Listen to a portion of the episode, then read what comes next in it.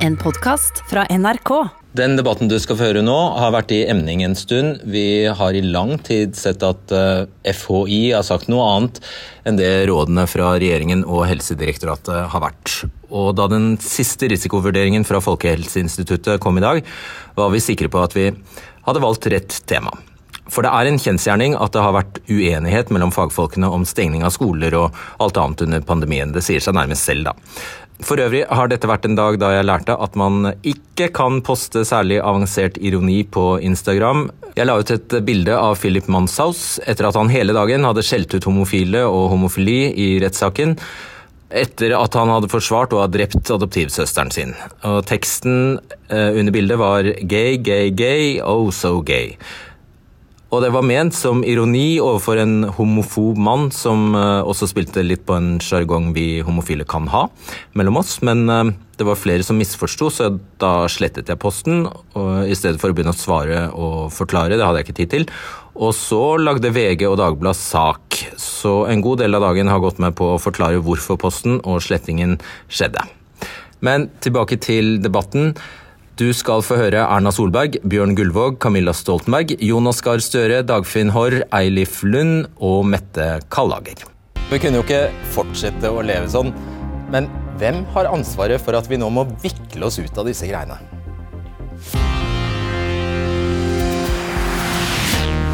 For ansvaret skal ikke fordeles likt. Folkehelseinstituttet, altså våre fremste fagfolk på smittevern, anbefalte aldri å stenge skoler og barnehager. De ønsket ikke hytteforbud og stengning av grensene. De anbefalte heller ikke å stenge frisørene, psykologene, fysioterapeuten, øyelegene og tannlegene. Alt dette var rådyre politiske beslutninger. Velkommen Erna Solberg og Bjørn Gullvåg. Vi må først ta en runde på det dere varslet i dag, som jeg tror oppriktig de aller fleste ble veldig lettet og glade, glade for. Erna Solberg, hvem kan i prinsippet nå samles? Nå kan jo alle samles i en organisert aktivitet eh, som er et arrangement som er opptil 50 personer, med én meters avstand. Så kan vi, alle vi andre som organiseres litt dårligere, altså privat eller annet, samles i grupper på 20, men med én meters avstand og alle de vanlige smittevernrådene samtidig. Det betyr jo f.eks. når 17. mai kommer at uh, har du plass, så kan du ha opptil 20 på, på 17. mai-frokosten din hvis det er det som er viktig. Eller uh, f.eks. på en aktivitet i løpet av uh, den dagen. Det er ofte mange som savner den typen ting.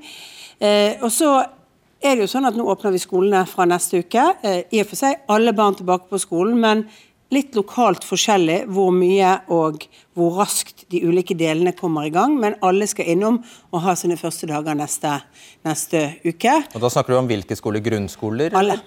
Alle. Alle. til og med videregående? Ja, til og med videregående. Og universitetene så øker vi altså opp andelen som får lov å komme for å, fordi de trenger da progresjonshensyn. De som f.eks. trenger å være, ikke bare fordi de skal ha eksamen og avslutte fagene sine i år, men de som også trenger å være der for å kunne bruke teknisk utstyr, andre ting som er på, på universitetene og høyskolene. Vi regner med at ca. 25% av studenter skal tilbake nå før semesterslutt, og at det må åpnes for det på universitetene.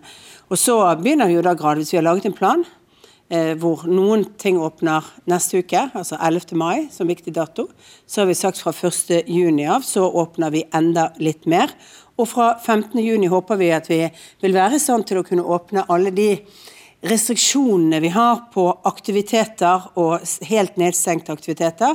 Men treningssentre f.eks.? Da vil treningssentre og eh, svømmebasseng, eh, badeland, den typen ting for vil være liksom de, de, siste tingene som det nå ligger an til. Og så sier vi veldig tydelig med forbeholdet. Eh, hvis vi får smitteopplysning, så kan det være vi må skyve på disse tingene. Men nå har iallfall man en plan å forholde seg til. Bjørn Gullvåg, helsedirektør. Eh, kan man på denne 17. mai-frokosten som vi nå skjønner at man kan ha, kan man klemme hverandre og gratulere hverandre med dagen? da?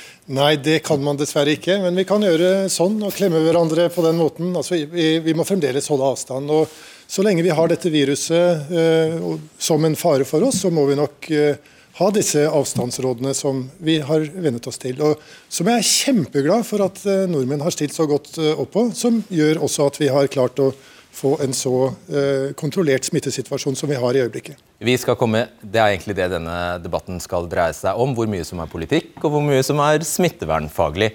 Men du kan jo, altså, når Erna Solberg sier at nå er det lagt en plan for når uh, ting kan begynne å åpne opp, så høres det veldig ut som politikk for, for, meg. Kan du vite at det er trygt å åpne opp alle disse tingene?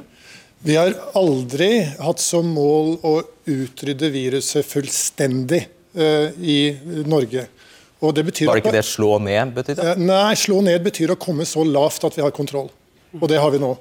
Og, og det betyr at når vi er kommet dit, så har det hele tiden vært planen å åpne opp, kontrollert, slik at vi kan uh, få levet livene våre så uh, likt og så godt som overhodet mulig med den trusselen som viruset hele tiden uh, og fremdeles er. Ja, det, og Nå mener du at du svarte på spørsmålet mitt. Kan du vite at det er trygt? Jeg, jeg kan vite at det er så trygt som vi hele tiden har tenkt det kan være. Og jeg mener at, det er, trygt. Nei, jeg mener at det er trygt å starte opp på denne reisen nå. Eh, og så har vi nå en helt annen mulighet til å eh, eh, finne ut om det skulle bli en oppblussing enkelte steder ved at vi har en mye større kapasitet på å teste. Og vi har også forberedt oss på veldig mange områder som gjør at vi er i bedre stand til å håndtere dette nå enn for to måneder siden. Men vet, Jo mer folk er sammen, jo større fare er det for at hvis det først er én som er smittet, så vil de smitte mer. Det er jo på en måte litt av logikken bak det vi gjorde 12.3, var jo å få ned møtepunktene mellom folk stort sett i det norske samfunnet, for å sikre at vi kunne få ned og få de resultatene vi har i dag. Så det er klart Når vi åpner opp for det, så vil det alltid være fare for at hvis det er noen som er smittet, men det er jo langt færre som er aktivt smittet nå, enn det var på det tidspunktet vi stengte ned. Så det er langt færre som har et potensial for å smitte noen andre.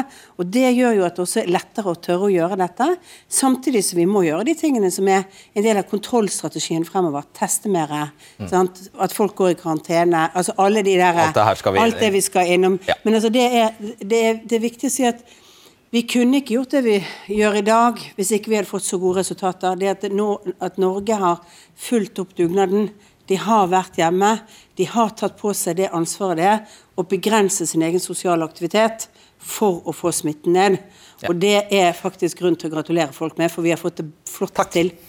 Takk. Mm. Vær så god. Eh, til slutt i denne runden, eh, Gullvåg, kan vi reise? Kan, kan vi, eh, alle, det er mange tusen som har hytter i Sverige, f.eks. Vi kan ikke reise til Sverige og regne med at vi kan komme inn i Norge uten en karantene. Så det er, øh, øh, og det er mange ting vi fremdeles ikke kan gjøre. Men vi kan gjøre... er ikke gjøre, det veldig rart? Det er jo kjemperart. Øh, ja, det handler om at Det er kanskje et politisk spørsmål, først og fremst. Ja, der har du det. Ja, men, men jeg, jeg, vil si likevel til det du hadde som intro. Du sier at det var en politisk beslutning den 13. mars. Det var i realiteten en faglig beslutning mm. som Helsedirektoratet tok. Og vi, ja, ja, vi tok ikke da bare en smittevernfaglig mm. vurdering, men vi så på det å håndtere hele denne vanskelige krisen, eh, og vi traff de beslutningene. Ikke mot rådene til Folkehelseinstituttet, men det var på en god del områder de sa til oss at her finnes det ikke kunnskap. Og Da måtte vi treffe en, eh, beslutninger under usikkerhet. Og så er det slik, som du ja. kommer til å poengtere i dag, at kunnskapen er litt annerledes. Og naturligvis så kunne det være at vi hadde handlet litt annerledes i dag. Men på det tidspunktet så handlet vi ut fra den kunnskapen vi hadde da. Nå forskutterte du neste runde, men det er helt greit. Bare svar.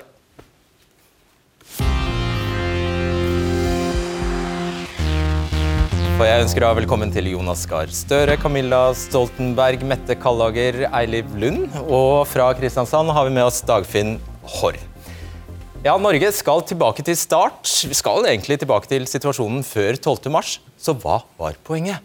Hva har vi oppnådd etter to måneders stengning av Norge? Kunne vi oppnådd det samme uten å gjøre 400 000 arbeidsledige, frata barn læring, bruke over 400 milliarder?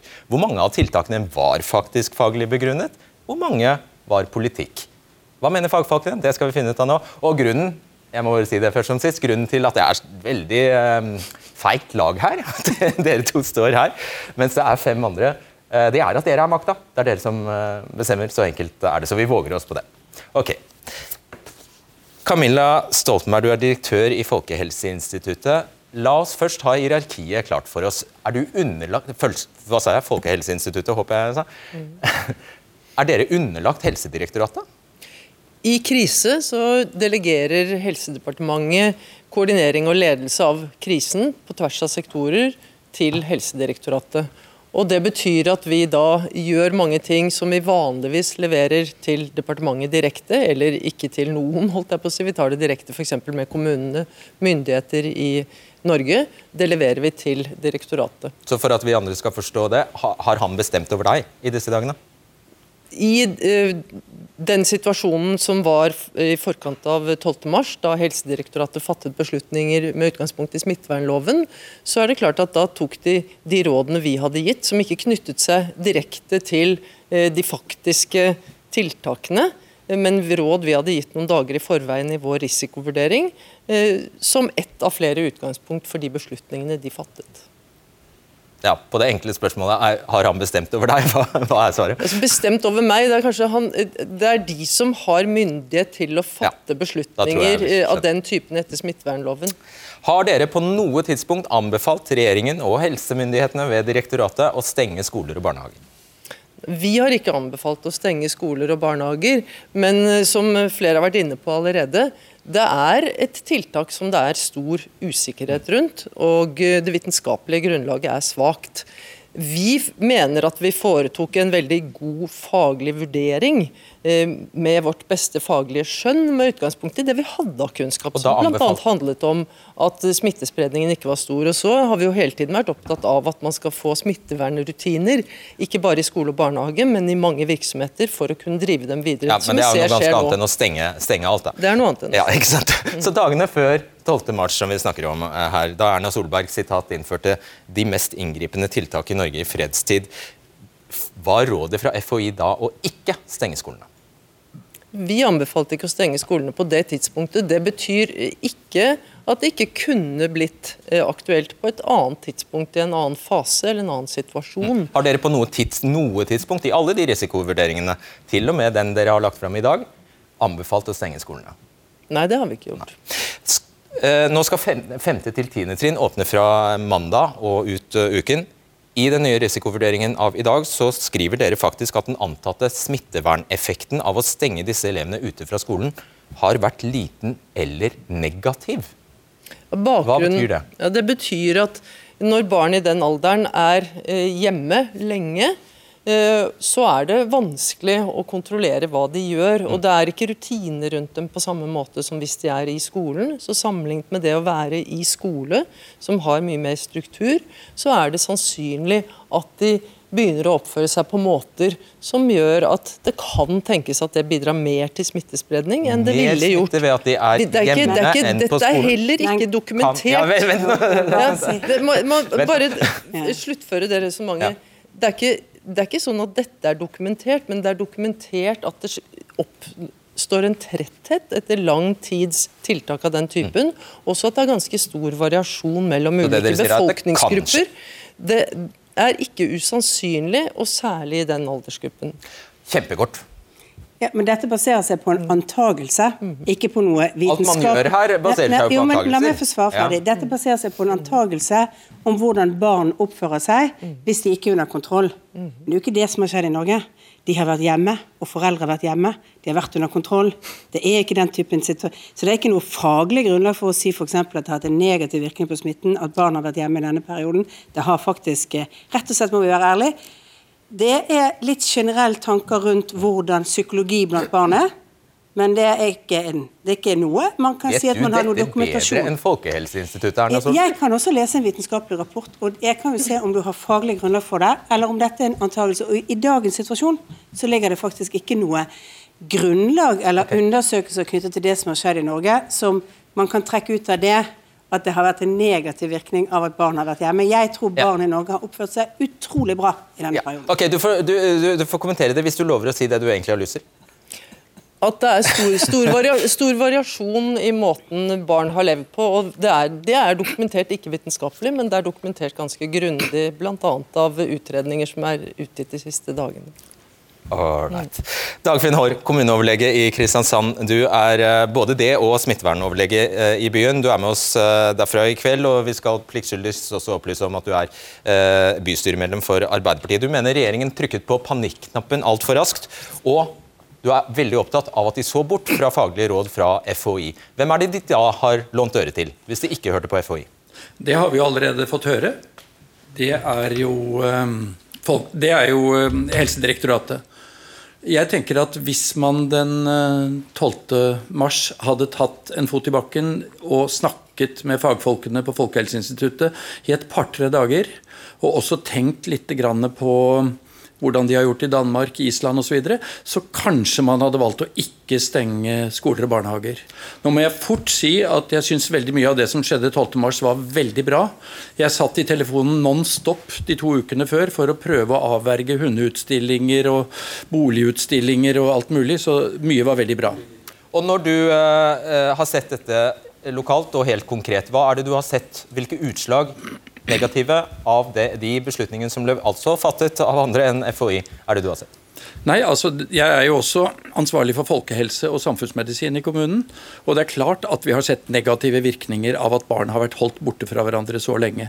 Det er det ikke tvil om. Det har jeg mange kasuistiske erfaringer med. Eh, konkret unger som har gått helt på veggen, som har satt seg ned og spilt døgnet rundt.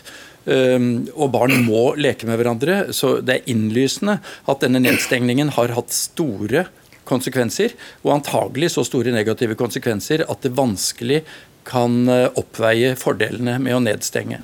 Ja, Du mener det var feil? Jeg mener det var feil. Og det er klart at jeg støtter jo Folkehelseinstituttet i ett og alt. I fredstid er det Folkehelseinstituttet som er våre rådgivere. Ble du ikke nettopp inhabil? Eh, jeg uttaler meg altså ikke som politiker, bare det det har sagt.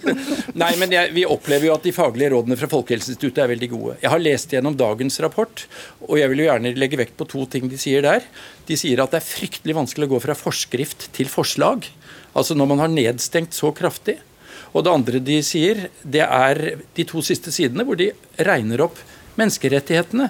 Og underforstått, vi har faktisk brutt menneskerettighetene nå i åtte uker til en viss grad. Foreløpig takk. Eilif Lund, du er professor emeritus i eh, epidemiologi ja. ved Universitetet i Tromsø. Du mener også det var et feilgrep av regjeringen å stenge skolene. Hvorfor det? Ja, i utgangspunktet er det sånn at når denne epidemien dukket opp i Wuhan, dukket opp i Italia, så så den veldig skremmende ut. Og så har man gjort en overføring til norske forhold og sagt ja, og tenk om det blir sånn i Norge. Og så har man glemt at Norge er et helt annet land. Det er mange vesentlige forskjeller som gjør at denne epidemien aldri ville ha bredd seg sånn i Norge, selv om den hadde løpt. Det de så jo til Europa, de så jo fryktelige scener fra Italia. Ja, men de, de, er, de er helt annen, andre land. Der hvor dette foregår mest dramatisk, er i store byer. Fattige befolkninger, tett bebygget hvor man kryper ned i metro, hvor det er stappende fullt. Og det er klart at Hvis du har et virus som løper der, så blir veldig mange syke. Og I mange av disse landene har du også bygget ned helsevesenet. F.eks. Italia hadde et eh, nedbygget helsevesen. Akkurat som vi har holdt på med effektiviseringskuttene til eh, Solberg, så har vi gjort det mindre sikkert å ha en reservekapasitet. Og det hadde ikke italienerne. Men alle, de aller fleste land stengte skolene? Hvorfor skulle disse ha vært så klartenkte at, de, at, de, så at det var feil? Hvis du så går inn i tallene og ser på hva som eh, er situasjonen, så visste man allerede tidlig i mars fra Italia at de som døde, det var svært gamle mennesker og mennesker med risiko for sykdom. Eller hadde annen sykdom. Det er de som dør. Det døde, døde én person under 20 år i Italia av 12 000. Så hva burde man ha gjort? Ja, Da kunne man bare latt barna gå på skolen. De, smitter, skulle, de, de, ville ha smittet hverandre. De kunne ha smittet foreldrene. Men hvis foreldrene hadde vært separert fra de syke og de gamle, så hadde dette gått mye bedre. Og hadde vi, som dere ikke gjorde i starten, hadde vi brukt ressursene våre på de gamle og syke på sykehjem og lignende, og testet personalet der, testet de syke Det er jo slik at I Legeforeningens tidsskrift så står det jo historier om at folk ikke kunne teste de andre på sykehjemmet. Og det, Hvis vi hadde gjort en høyrisikostrategi med en gang, hadde vi redusert antallet døde på sykehjem. Dere får samle opp her, fordi nå skal vi snakke med deg, Mette Kallager. Ja. Eh, velkommen tilbake. får jeg si. Du er lege og professor i klinisk effektforskning ved Universitetet i Oslo og Oslo universitetssykehus. Regjeringen sier at den har gjennomført alt dette på en kontrollert måte, og nå er det veldig viktig å gjøre det samme igjen når man skal åpne. Kontrollert, sier du. Med dine forskerører, hva hører du da? I mine forskerører så hører jeg da at man gjør det på en vitenskapelig måte. Uh, og når vi snakker som vitenskapsmennesker om kontrollert åpning, så tenker vi at vi har noen å sammenligne med. Så det regjeringen har bestemt, eller myndighetene har bestemt nå, er at nå skal vi åpne alt litt gradvis. Uh, og kontrollert mener dere kanskje uh, at det er en At man har oversikt over smittespredningen. Og det, det tror jeg på en måte er riktig, men det som er enda viktigere, det er å ta lærdom. Og Erna Solberg, du snakket veldig fint i dag om å lære, å prøve å feile og læringskurve. Og det er liksom Det synger i mine ører. Men dere kommer jo ikke til å lære av det her. For dere får ikke kunnskap om hvilke eh, tiltak, smittetiltak, dere gjorde hva var effekten av de smittetiltakene? Det får dere ingen lærdom av. hvorfor de ikke får det. Fordi når du åpner alt, eller ikke alt på en gang, men mange ting på en gang. F.eks. så åpnet man barnehager og skoler, frisørsalonger og øh, fysioterapeuter øh, forrige uke. Da kan det være at folks oppførsel endrer seg. Man tar mer bane, man er mer ute i trafikken, man føler at nå har vi, har vi kontroll, så nå gjør vi mange ting som vi ikke gjorde tidligere. Og så har vi ikke da noen kontroll. Der, altså, for Hvis man skal se på hva er effekten av å stenge en skole, eller åpne en skole, da, i og med at vi nå stengte alle skolene, så kan man jo diskutere om det var riktig eller galt. Eh, men hvis man skal åpne igjen, så må man altså gjøre det at man åpner noen skoler, og så er noen skoler stengt. fordi da kan man skille ut hva er effekten av å stenge skolen, versus hva er effekten av at folk endrer oppførsel. Og Den eneste måten vi kan få den kunnskapen på, er å gjøre dette på en vitenskapelig måte ved å trekke lodd. Eh, og det er, det er, helt utvilsomt. Det er ingen forskere i verden som vil være uenig i det. Så hvorfor regjeringen da ikke tar seg tid til å høre på oss forskere som har snakket om dette i lang, lang tid, og man ikke faktisk går til det skrittet å gjøre det, det, okay. det forstår jeg ingenting om. Fordi vi ja, i Norge nei, men... har verdens beste registre, så vi kan følge med på dette på en ordentlig måte. Og da, før dere slipper til, og før du også slipper til Jeg må bare spørre deg, fordi det, du og, for, uh, og, instituttet foreslo faktisk dette for myndighetene. Og nettopp gjennomføre, dette kalles random, randomisering, foreslo å undersøke om det hadde effekt, eller hva som hadde effekt. Hva var svaret? Svaret det foreslår jeg at de som har svart eh, meg Jeg kan hjelpe men, deg. Svaret var nei. Det ble ikke noe annet. Det, det, var det. Det blir, det blir, nei nå. Men vi kommer til å gjøre mye for å lære av dette uansett. Og det har vi fått mye støtte til i denne fasen. Men hvorfor foreslo du det? Vi foreslo det av samme grunn som Mette Kallager peker på. At det vil gi veldig god kunnskap om hvordan dette tiltaket virker. Da, Erna Solberg, veldig godt. Ja. Kan ikke være så veldig kort. Nei, det kan. det tok meg det, men du, ja. altså, så kort jeg, som mulig. Jeg har ansvar for å veie ulike hensyn. Og Da er selvfølgelig hensynet til at vi har kunnskap og kompetanse, at vi bruker denne biten til å lære av, utrolig viktig. Men jeg må også ha ansvar for de som blir forsøksobjektene. da. De barna hvor halvparten får lov å gå på skolen, og halvparten ikke får lov hvis man hadde gjort det. Der gjorde regjeringen det valget at det gjorde vi ikke til et forsøk. Vi sa at alle barn hadde rett til å gå på skole. Alle skulle komme inn igjen på skole. Det gikk foran forskningsønsket vårt om å ha mer kunnskap om dette. Det er et valg du må gjøre som politiker, og da valgte jeg altså barnas rett. I og for seg menneskerett til å få utdanning, være til stede, være i den sosiale konteksten dette har. Og Det kan du trekke på mange sånne områder, men de valgene må vi gjøre. Men resultatet av det, jeg bare avbryter deg resultatet av det er at du aner ikke om det var åpningen av eller stengningen av frisørene som hadde en effekt på smittetallet, eller stengningen av skolene. Og poenget er at Det kommer vi sannsynligvis aldri til å vite, for sannsynligvis er det summen av alt vi har gjort som har disse resultatene. For det vi tok ned, var aktiviteten i det norske samfunnet. Vi sørget for at folk møtte hverandre mindre. Vi sørget for med masse ulike tiltak. Og det er jo summen av det som skaper den holdningen som gjør at folk vasker hendene mer de, går, eh, de, de, holder seg mer hjemme. Så kan du si at det og det tiltaket, men du må skape også et grunnlag for at de tiltakene virker. Og det er du nødt til å gjøre mye. Så mener jeg, Det kan godt tenkes at vi har gjort feil på veien. Det sa jeg da vi gjorde tingene også innledningsvis. At vi kan ha gjort feil. Vi kommer til å gjøre feil, for det er ikke alt vi vet. Det er mye manglende kunnskap. Men, men det, det skjer også i en kontekst og det er klart Vi var i en situasjon når skolene stengte, hvor noen kommuner hadde varslet de skulle stenge. De hadde ikke gitt beskjed om at det ville være arbeidsplasser for de sykepleierne, eller barnehageplass eller skoleplass for de barna til de sykepleierne som skulle være på intensivavdelingen. Vi mente også at vi var nødt til å ta en struktur på dette som var i orden for samfunnet vårt. Og folk, og folk hadde begynt å melde at de ikke ville sende barna sine på skolen fordi de var redd. Jeg mener at det var riktig at vi stengte skolene på det tidspunktet, for det var riktig å ta summen av det. Og det beste beviset på at summen var viktig, er det vi har fått av resultater på at smitten er nede.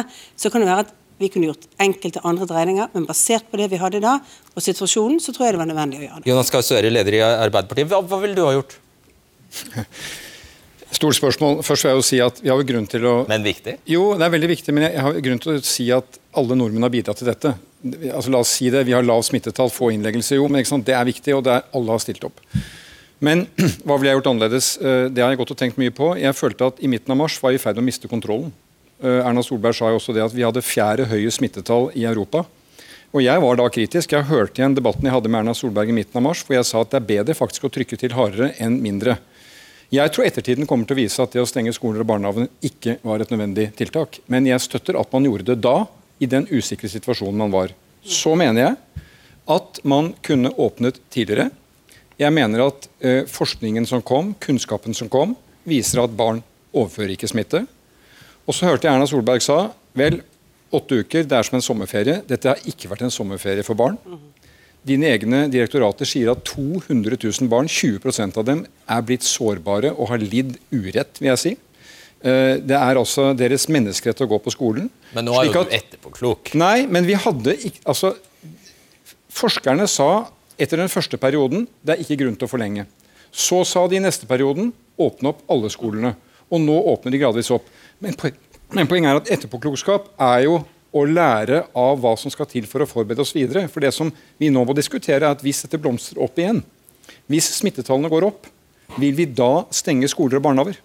Og jeg, jeg synes Med den kunnskapen vi nå har, så er svaret på det antageligvis nei. Det vil vi ikke gjøre, og det er klokt. Og Hvorfor sier dere da, for jeg regner med du er medskyldig i det også, å si nei til en, eh, en sånn studie nettopp, som nettopp eh, skulle gå ut på å finne ut om det var frisørene eller restaurantene, at de stengte som var årsaken til at smittetallet kom så lavt, eller om det var skolene eller barnehagene. Hvorfor sa Nei, du, det, det har jeg faktisk ikke hatt noe med å gjøre. Og det, jeg, er for så vidt, jeg er for så vidt enig i fagfolkene at vi bruker det i for liten grad, men det gjelder generelt i alt som har med eh, politikkutøvelse, etter min oppfatning, ja. at vi i for liten grad understreker effekter. Da stiller jeg et annet spørsmål, fordi hvor, hvor stort inntrykk gjør det på deg at eh, Folkehelseinstituttet faktisk skriver at det kan ha ført til mer smitte at uh, ungdomstrinnet på, uh, på, skolen ble stengt? Det er klart at det gjør et veldig inntrykk. Og så er jeg nok enig uh, i at vi vet ikke dette.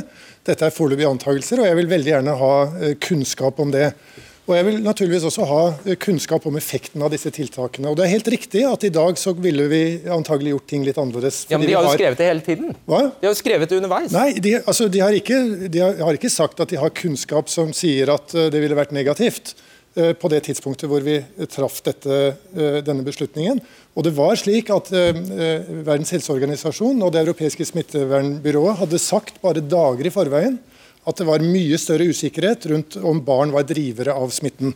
Det, det hadde kommet fram i den perioden. Men det er klart med den kunnskapen vi har i dag, så ville vi ha truffet litt andre beslutninger enn vi gjorde den gangen. Men det er så mye som er forskjellig i dag.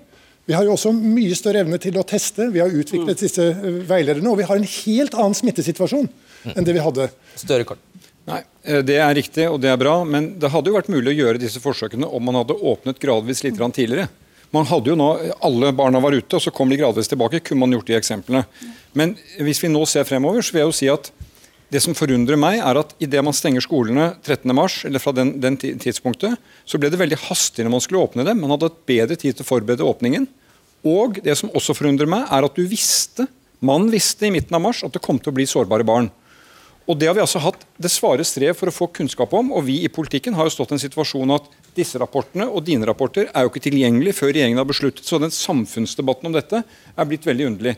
Og særlig i forhold til disse sårbare barna så har vi opplevd at rapporter er vært holdt hemmelig, holdt utenfor offentlig debatt. Og det må endres i den oppfølgingen vi har nå. For vi er nødt til å ha en opplyst debatt. Forskerne må slippe til, og de må ha anledning til å si hvordan kan vi lære, hvordan kan vi gjøre det bedre. Så, jeg bare knytte, Solberg skal få svare, men Eilif Lund, knytt en kommentar til dette med barna. For du, er, du, har vært helt overbevist om at det ikke var smittebærere. Hvordan kunne du vite det? Ja, Det er ut ifra hva som har eksistert på ethvert tidspunkt i litteraturen. Men det viktige er at det er ingen under 50 år i praksis som dør av dette. her. Og det har hele tiden vært dødstallene som vi har fått lest opp hver dag, hadde vært nye døde. Og de død, dødsfallene har ikke engang vært fordelt på alder og kjønn i Norge før i midten av april, da vi gjorde et puff for å få tak i det. Sånn at Helt inntil da så må jo folk ha trodd at hvem som helst i hvilken som helst alder kunne dø, for det oppga ikke verken regjering eller helsedirektorat. Og Det har gitt en følelse av noe som har beveget seg, en angst for at barnet mitt kan jo dø. Men barnet kunne ikke dø av denne sykdommen. Det er litt forbauset for Gjennomsnittlig dødsalder har vært kjent fra det begynte å dø noen i Norge. Det er det Folkehelseinstituttet som har opplyst, også kjønnsfordelingen, både på smittet og hvem som har vært død. Så det tror jeg litt, rett og slett er litt feil. Men la meg gå tilbake til dette. Kunne vi, hatt, kunne vi startet før? Ja, vi hadde en anbefaling om å starte opp til syvende klasse. Og så gikk vi til fjerde klasse. Det var egentlig praktisk orientert. Skolene følte seg ikke forberedt. Vi hadde en smittevernsveileder som utarbeidet, som også sa at vi måtte organisere oss sånn at det kunne være utfordringer på skolene. Nå åpner vi for alle, men da er også den smittevernslederen endret litt i gruppestørrelse og annet, sånn at det blir litt lettere å få plass til alle. Dette, dette er praktikerbiten som vi også må sørge for. Vi må snakke med lærerorganisasjoner. Vi må snakke med de som skal være i skolehverdagen og si at dette kan dere få til å fungere. Og Hvis ikke det, så, tror, så stoler ikke foreldre på oss. Så stoler ikke lærerne på oss. Og så blir det faktisk en veldig dårlig opplevelse. Og så til denne randomiserte studien. Vi kan ikke på den ene siden stå her og diskutere at det at barn ikke gikk på skolen, det har store sosiale kostnader og folkehelsekostnader. Og så si men det skal de fortsatt ikke gjøre for halvparten, for nå vil vi ha et forsøk. Det kan vi faktisk ikke gjøre. Nei, men Poenget er at dere gjorde et eksperiment når dere stengte skolene. Så dere snakker nå om at plutselig er elevene blitt eh, du kalte det forskningsobjekter. Det var dere som førte, dere inn, eh, førte de elevene inn i et forskningsobjekttilstand. Eh, det kan godt hende at det er gode grunner for det, så det trenger vi ikke å snakke om. Men det som jeg ikke kan helt tilgi, det er at når det åpner opp igjen, så hadde vi, hvis vi hadde tatt loddtrekningsforsøk, så hadde vi visst hvor mange som var skadet ved å ikke gå på skolen. For vi hadde en gruppe som ikke gikk på skolen. Og så hadde vi visst også hvor mye smitte det var på de skolene som åpnet. Så du kunne fått fakta og informasjon om begge deler. Og dette er praktisk mulig, det er ikke noe problem å få til. Det etiske du sier at vi skal velge ut noen som kan bli Nei, skadet? Nei, du gjør det ved loddtrekningsforsøk. Ditt eksperiment var å stenge skolene. Men det hjelper ikke hvis du loddtrekker eller ikke. De blir jo skadet, de ja, barna. Hvis, at... hvis, vi legger til grunn ja, at det å gå på skolen er sosialt og viktig. Men du åpner nå på en måte som gjør at du ikke kan si noen ting om det var en fordel, om det var en ulempe, hvor stor var fordelen, hvor stor var eventuelt ulempen, det kan ikke dere si noen ting om. Ingen av oss fagfolkene kan si noen ting om det. Det kunne dere lagt til rette for at man gjorde. Det er det jeg syns er kritikkverdig i dette i ja. tiltakene dere har gjort. Eh, da er jeg bare tilbake til, Dette er jo et valg. Og det, valget, vi, det valget vi må gjøre, er jo da er hensikten med det vi får av resultater som er viktig for samfunnet, det er jeg enig i, er det større enn det at da den gruppen som ikke fikk lov å begynne på skolen Men det kan komme flere runder i pandemien. Hva gjør du da? Ja. Uten denne kunnskapen, hva gjør du da? Uh, ja, og det, vi, vi, jobber jo for at vi skal ha et annet regime for å håndtere disse tingene. men du vet jo ikke hvilket uh, regime som Det betyr at vi skal gå på testing. altså det vi har sagt vi skal gå på testing. Men testing forebygger jo ikke covid-19. Testing ja, forebygger ikke covid-19. Det er veldig lite sannsynlig at vi vil gå på en uh, skolestengning i denne dimensjonen på nytt igjen. Mm. Nå vil det jo være snakk om uh, kanskje å kunne stenge Hva? Fordi at situasjonen var ute av kontroll. og vi hadde var ikke kunnskap. Var den virkelig helt ute av kontroll? Ja, det var den, fordi vi visste ikke hvordan smitten ble videreført i den norske befolkningen. Når skjedde det? Hvilken ikke... dato skjedde det at dere mistet kontroll? Nei, 9.-10. mars så Men, uh, opplyste Folkehelseinstituttet at vi ikke klarte å følge Vi husker jo det som ble sagt de dagene. Gullvåg sa at dette er et stort eksperiment.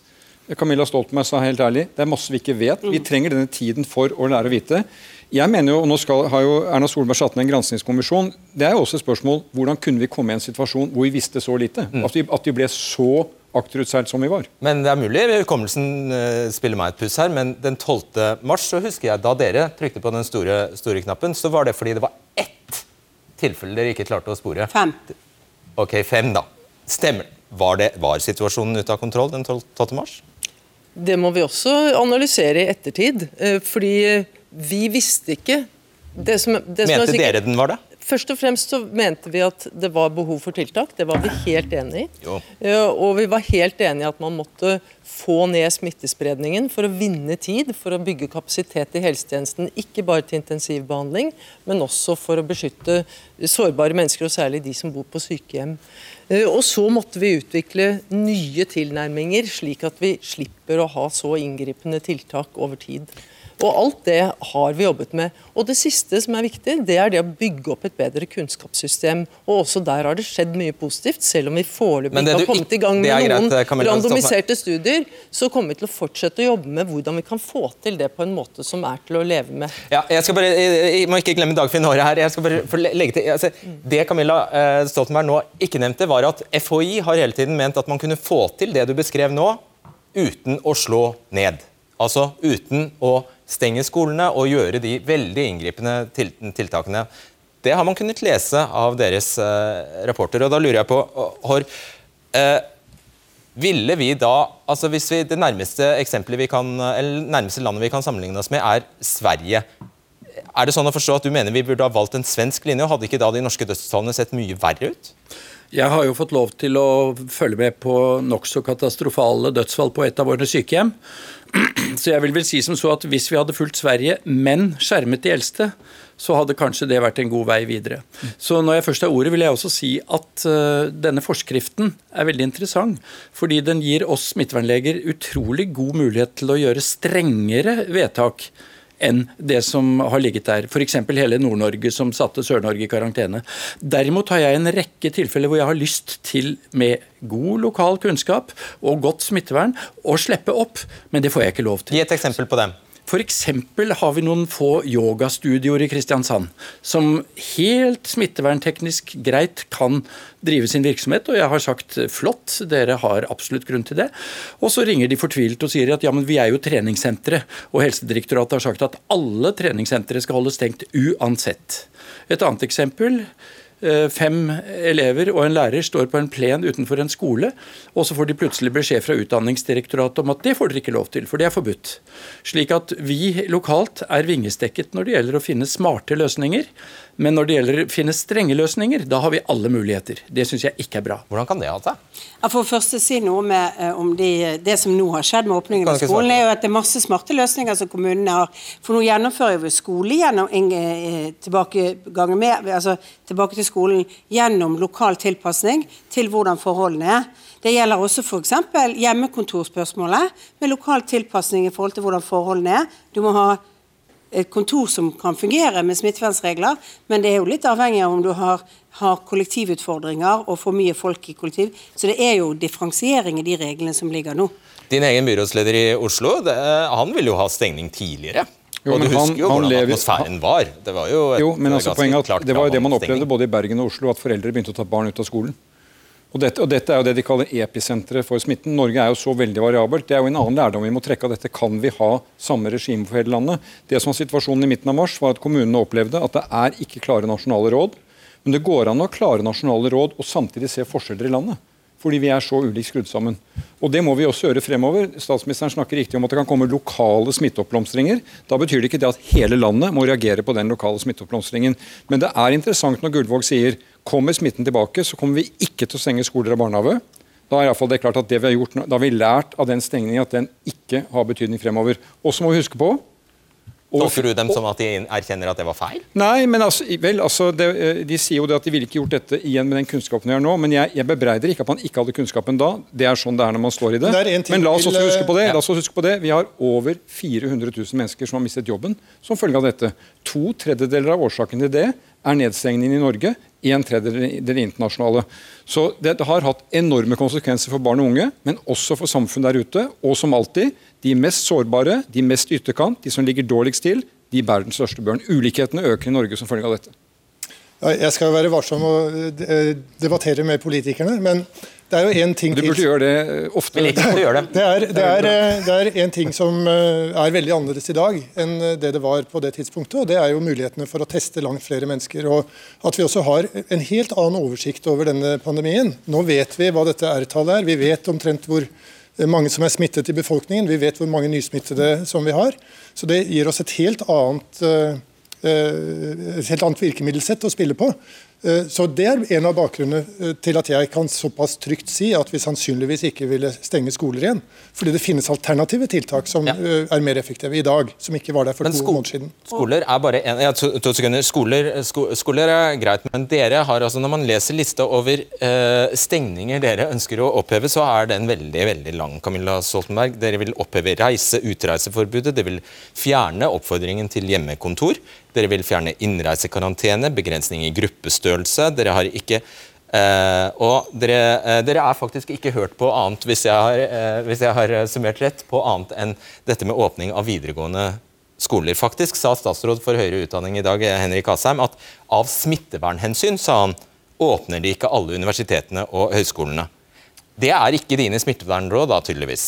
Kan du skjønne hvor de kommer fra? Eh, jeg kjenner ikke igjen den beskrivelsen helt. fordi Det er helt... Det jeg sa nå? Ja, altså. Nei, det, det, Beskrivelsen av hva vi har anbefalt, kjenner jeg igjen. Men jeg, jeg husker ikke akkurat den Nei, men Han sa det, bare stol på meg. Han sa det. Eh, men, da, hvem er, men tilbake, hvem er det han sikter til da? Fordi Det er jo litt av poenget her. At, at, de, eh, at Politikerne har hele tiden sagt dette gjør vi i tråd med smittevernråd, dette gjør vi i tråd med faglige råd. Og så viser det seg at dere har ikke rådgitt sånn. Ja, men Kan jeg ta ordet? Ja, Fordi det politikerne har sagt, det syns jeg har vært veldig klart. De har sagt at vi legger smittevernfaglige råd fra Folkehelseinstituttet til grunn. Og vi foretar våre vurderinger. Det at politikere tar beslutningene i denne type mm. saker, det mener jeg er helt nødvendig og helt legitimt. Det betyr ikke at vi nødvendigvis er enig i alt, men i mange tilfeller, de fleste, så har vi stor forståelse for de øvrige vurderingene som gjøres. Både fordi kunnskapsgrunnlaget kan være svakt, men også fordi dette har så vidtrekkende konsekvenser i samfunnet at det må være et samsvar mellom de som tar beslutningene og de som har ansvaret for konsekvensene. Du, du skal få avslutte, men hva, hva, vil du si har vært de verste samfunnsmessige konsekvensene av den strategien man valgte? Ja, Det er jo nedlukking av skoler og studier. Hvorfor har man lukket universiteter? Der er det heller ingen stor risiko. Man må huske på at denne sykdommen under 50 år oppfører seg som en influensa. Og den har en, Men det som skiller den fra de tidligere influensaene, er at den vil gå på lungene til folk som har svake lunger. Det er forskjellen. Så det altså ikke, har ikke vært noen stor helsefare ved å gå for på et universitet for en som er 30 år. Okay. Det er helt klart. Ja, En stor andel av de som også studerer, har faktisk også tilleggssykdommer. må huske at det finnes, Heldigvis i vårt samfunn så finnes det mange som beveger seg som også har underliggende sykdommer, og som vi sørger for kan ha et helt normalt liv, og som er helt normale borgere. Så Det finnes jo personer i den gruppen som absolutt kunne vært i fare i en sånn situasjon. Bare si, Vi åpner jo mer på universitetene enn det vi har fått anbefalt. Vi åpner mer nå f.eks. på barer enn det som er anbefalt. Vi har altså vært mer konkrete på det som skjer 1.6 og det som skjer fremover, for å gi forutsigbarhet for at folk kan planlegge planlegge for å komme tilbake igjen til jobben. Og litt av det skyldes nok at vi kan at vi mener at folk skal få den planleggingshorisonten nå, ha en plan fremover, vite at ja, jeg har en jobb å gå tilbake. Og jeg så en, en liten Twitter-melding som jeg fikk fra en som da sa jippi, nå vet jeg iallfall, selv om det ikke er før 15.6, men jeg har en jobb, jeg kan gå tilbake, jeg kan begynne å arbeide igjen. For det er da liksom er det åpnet. Og det er også en del av det å gi folk håp. Og så er det sånn, Du kan ikke dedusere alt av dette til å være fagspørsmål. Du må også ha en politisk hånd med å forstå og se hvordan helheten henger sammen. Og Hvis du tar ett hvert område bare snakker om sitt vern, og ikke ser totaldelen av samfunnet, så tror jeg heller ikke du kommer til å treffe på de tiltakene. Men du må, du, det, ja, det er greit, men du må fortelle oss når det er politikk, og når det er uh, fag. Jo, men det gjør vi. Og vi sier det veldig klart fra hva vi har fått anbefalt og hva vi ikke har fått anbefalt. Og f.eks. er det viktig å anbefale ja, Da satte jeg deg i gang igjen, for nå får jeg beskjed om at vi må avslutte. Det angrer jeg på. Takk skal dere ha. Tusen takk. Debatten er tilbake på tirsdag. Takk for nå.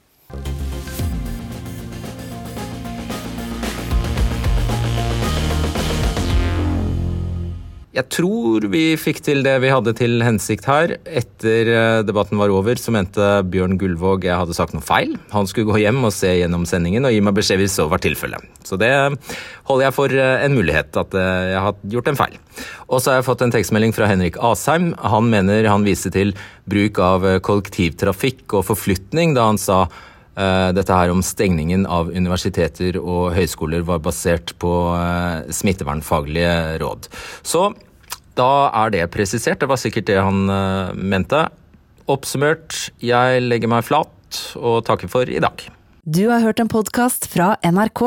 Hør flere podkaster og din NRK-kanal i appen NRK Radio.